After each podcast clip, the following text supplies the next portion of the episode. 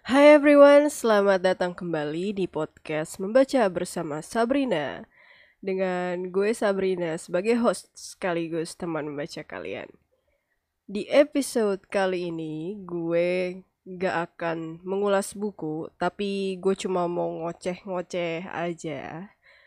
Bercerita uh, bagaimana cara motivasi supaya bisa konsisten dalam membaca buku dan juga gue ngasih tahu beberapa cara supaya bisa baca buku secara ekonomis. Jangan ke mana-mana ya.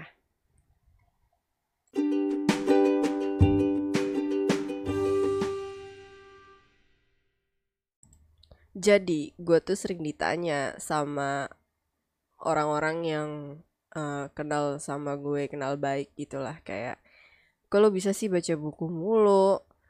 Uh, terus bisa tahu aja buku-buku yang menarik buat dibaca. Nah gue mau cerita nih proses. Gue memaintain motivasi untuk bisa konsisten baca buku dan juga nemu uh, ini apa rekomendasi buku-buku yang menarik. Jadi apa pun yang gue post di Instagram maupun di Twitter atau di podcast gue ini itu adalah buku yang menurut gue memang menarik yang memang uh, layak untuk dibaca sama orang-orang lah. Yang memang ya ya itu yang apa yang memang menyenangkan lah bukunya. Karena bagi gue ya buku adalah hiburan. Bukan berarti semua buku yang gue baca gue post di sosial media. Karena itu pasti bakal capek banget gue. Nah terus uh, gue tuh aktif di goodreads.com itu adalah uh, platform sosial media untuk orang-orang yang suka baca buku. Di sana itu kita bisa nge-track buku apa aja yang uh, lagi dibaca, yang udah dibaca atau yang mau kita baca. Terus di sana juga uh, kita bisa mendapatkan rekomendasi buku yang sesuai sama taste kita. That's why gue suka nemu-nemu aja tuh uh, rekomendasi bacaan Nah, uh, meskipun ulasan di sana tuh nggak selalu 100% sesuai sama selera gue ya. Kayak misalnya nih gue pernah nemu buku yang uh, bintang apa bintang 5 lah, hampir bintang 5 yang reviewnya oke okay banget. Tapi ya pas gue coba baca di gue kok rasanya kentang gitu. Nah, itu yang uh, banyak juga sih yang kayak gitu, but karena kan membaca buku itu adalah pengalaman yang sangat personal dan penilaiannya juga subjektif ya. Uh, jadi ya uh, apa namanya memang memang trial and error juga selain gue ngeliat dari ulasan gue juga ngeliat dari cover ngeliat dari sinopsis. Tapi overall ya goodreads.com ini platform yang reliable lah untuk book lovers.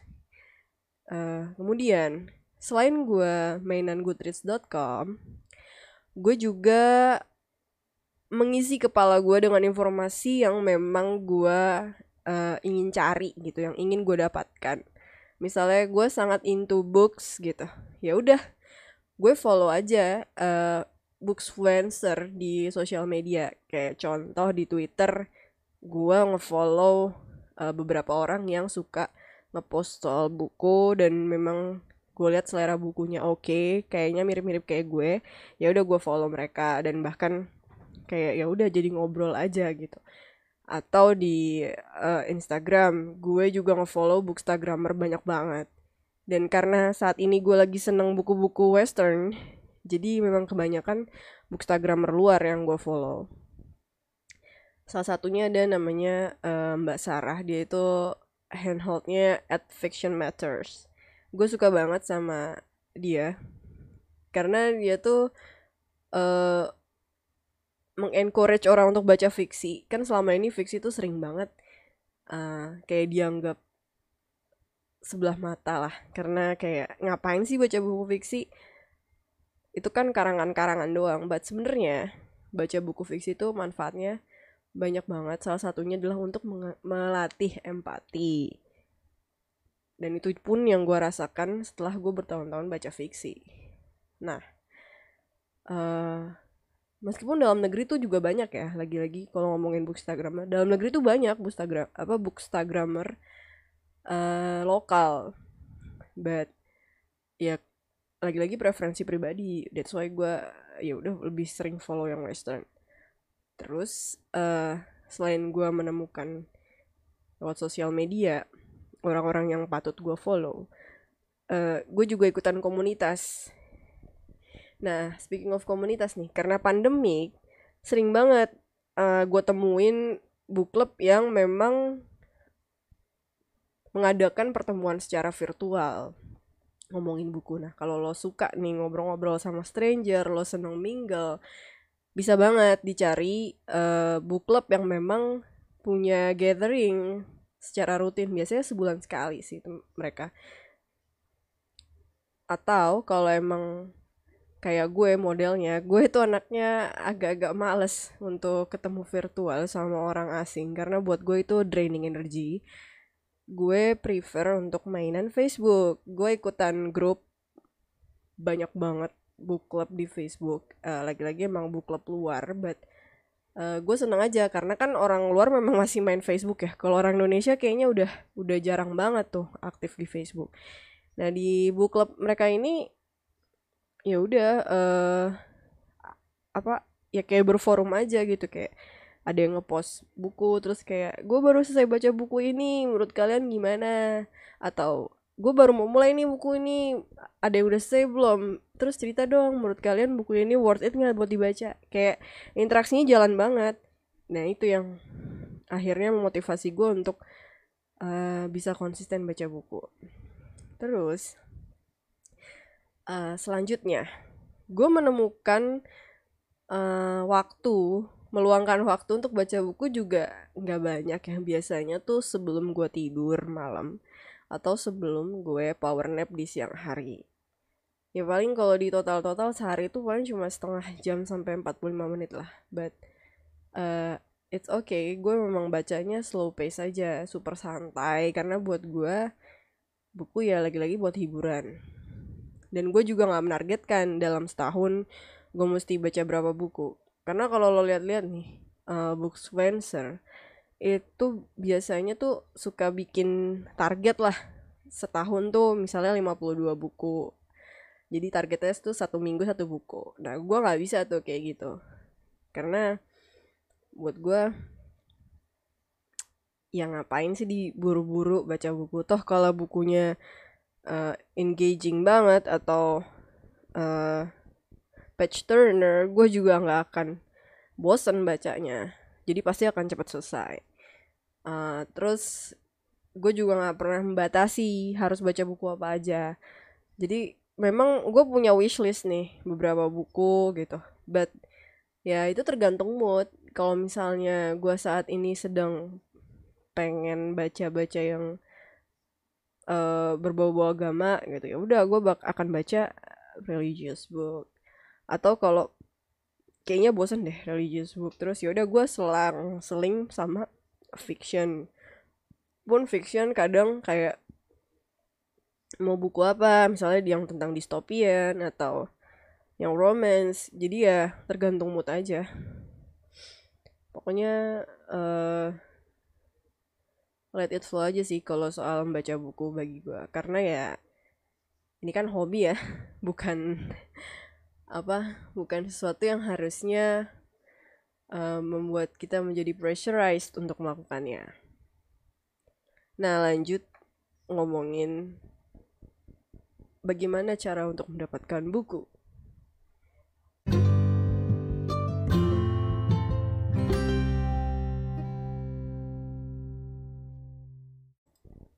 Gue ini ya suka baca buku dari kecil. Tapi jujur masa kecil gue tuh sampai gue remaja lah ya bahkan sampai yang adult keluarga gue tuh bisa dibilang nggak terlalu miskin tapi nggak punya duit juga buat beli buku gitu. Akhirnya ya gue menyiasatinya dengan gue bergaul yang banyak dengan orang-orang dan gue tanda-tandain tuh mana yang suka koleksi buku. Jadi kalau misalnya gue mau baca karya Dewi Lestari gue tahu nih gue harus minjem sama si X misalnya. Terus kalau misalnya gue mau baca Harry Potter gue harus minjem sama si Y. Jadi gue udah udah punya pemetaan nih. Uh, resource gue untuk baca buku dari mana aja. Dan kalau teman-teman gue nih sekiranya di sekeliling gue saat itu misalnya waktu gue sekolah ya di kelas tuh nggak ada yang hobi baca buku gue tuh main ke perpustakaan. Jadi kalau anak-anak nih cabut gitu cabut dari kelas tuh biasanya mungkin buat nongkrong di warung rokok-rokok tapi kalau gue gue ke perpus coy. Itulah level level kefrikan gue ya. Jadi uh, itu dimulai dari SMP sih. Gue seneng banget uh, diem di perpus sendirian. Ya udah baca buku um, dan kadang tuh uh, gue dapat buku yang yang seru-seru aja sih. Kayak dulu tuh zaman SMP baca Vira Basuki terus juga pas SMA gue baca Ahmad Tohari, Remi Silado banyak uh, pengarang-pengarang yang baru gue discovered gitu ketika masa remaja gue. Nah kebiasaan minjam itulah yang akhirnya terbawa hingga dewasa. Ya gue jadinya mencari cara gimana nih supaya bisa baca buku banyak tapi tetap dengan harga yang ekonomis. Karena ya meskipun sekarang gue udah punya pemasukan sendiri but still belanja buku apalagi kalau impor tuh berasa banget gitu. Paling uh, misalnya satu buku tuh bisa harga 150 ribuan itu kan kayak aduh sayang banget ya kadang-kadang. Mending dibuat ditabung saham sih nggak ada yang bohong. Ya intinya kayak sebisa mungkin gimana caranya supaya ekonomis. So dengan kebiasaan minjam buku itu tadi. Akhirnya gue uh, mencari tahu gitu. Sebenarnya perpustakaan Indonesia ini ada nggak sih yang yang yang provide gitu pinjaman buku fiksi? Kan karena gue senangnya baca fiksi ya yang yang lengkap gitu. Dan ternyata tahun lalu di awal tahun 2020 gue baru menemukan bahwa perpustakaan nasional tuh punya aplikasi namanya Ipusnas. Dan itu bisa kita minjem buku uh, secara digital dan gratis. Jadi ya udah gue mengandalkan Ipusnas untuk membaca buku-buku yang berbahasa Indonesia. Terus yang kedua, uh, di akhir tahun 2020 kemarin, gue juga baru menemukan bahwa ternyata ada layanan semacam streaming online untuk buku namanya Script. S C R I B D. Nah, itu juga harus dicoba karena itu sebulan waktu itu gue lagi harga promo dapat 75 eh 70 ribu per bulan itu menurut gue murah banget dibandingin harus beli buku yang banyak ya. Dan itu koleksinya juga banyak banget kayak FYI gue udah punya wishlist di script itu kayak sekitar 80-an buku. Jadi kalau disuruh bayar 70 ribu per bulan gue oke-oke aja lah. Yang penting gue bisa baca buku banyak di situ. Nah uh, selain Ibusnas script gue juga mengandalkan Kindle. Dan Kindle itu sering banget ada promo kayak harga-harga buku yang tadinya 18 USD jadi diskon cuma jadi dua atau tiga dolar. Itu kayak uh, apa kayak nggak boleh dilewatkan lah intinya. Jadi memang uh, my point is gue baca buku tuh gue turnover bukan turnover gue ganti kebiasaannya tadinya baca buku secara fisik gue ganti ke digital.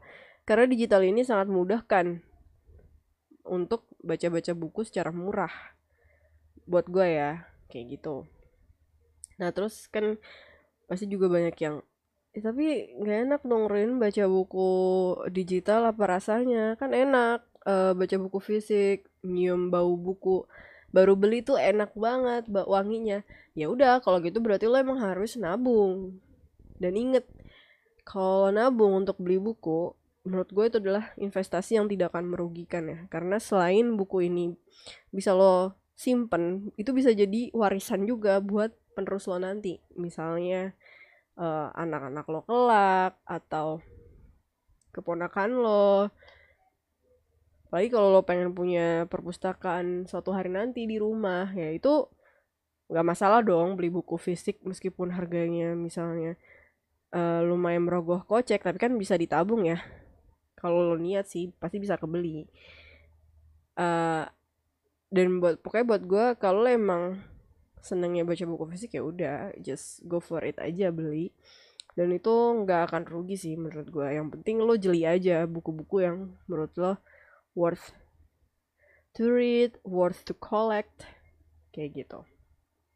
Karena based on my experience juga uh, gue punya tante almarhumah dia tuh seneng banget baca buku dan waktu beliau meninggal di umur yang ke 29 tahun kalau nggak salah itu gue masih SD kelas 1 uh,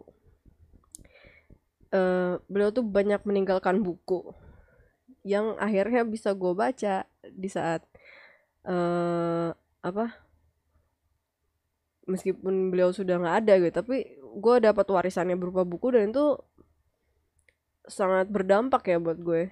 Karena akhirnya waktu masa remaja gue tuh gue habiskan untuk baca-baca bukunya beliau. Kayak Sidney Sheldon terus Michael Crichton. Gue juga tahu karya-karyanya El uh, Nawal El Sadawi itu dari almarhumah. Jadi ya itulah sangat berdampak sekali kalau lo suka beli buku dan mengoleksi dan bisa bermanfaat buat orang lain. Jadi ya nggak ada salahnya untuk beli buku. Tapi ya gue yang gue tawarkan adalah yang lebih ekonomis dengan uh, baca buku secara digital. Terus kalau baca buku digital pun lo bisa menemukan cara haram, tapi gue nggak akan cerita bagaimana cara haram untuk membaca buku ya. Dan gue tidak menyarankan juga, tapi ya you will find by yourself lah kalau lo emang pengen cara haram gitu. But ya udah my point is lagi-lagi dengan mengganti kebiasaan ke ranah digital uh, kesempatan lo untuk baca buku lebih ekonomis tuh lebih banyak dibanding dengan baca buku fisik ya baca buku fisik juga bisa sih lo beli bu, uh, apa namanya buku-buku bekas gitu. Banyak banget sekarang di Instagram uh, tempat untuk jual beli buku bekas yang impor maupun lokal. Dan harganya juga lumayan miring dibanding dengan beli harga baru. Yang penting jeli aja uh, dalam melihat kondisi bukunya masih bisa dibaca atau enggak terus uh, seller ya terpercaya atau enggak. Kan itu judgementnya yang penting harus ketat aja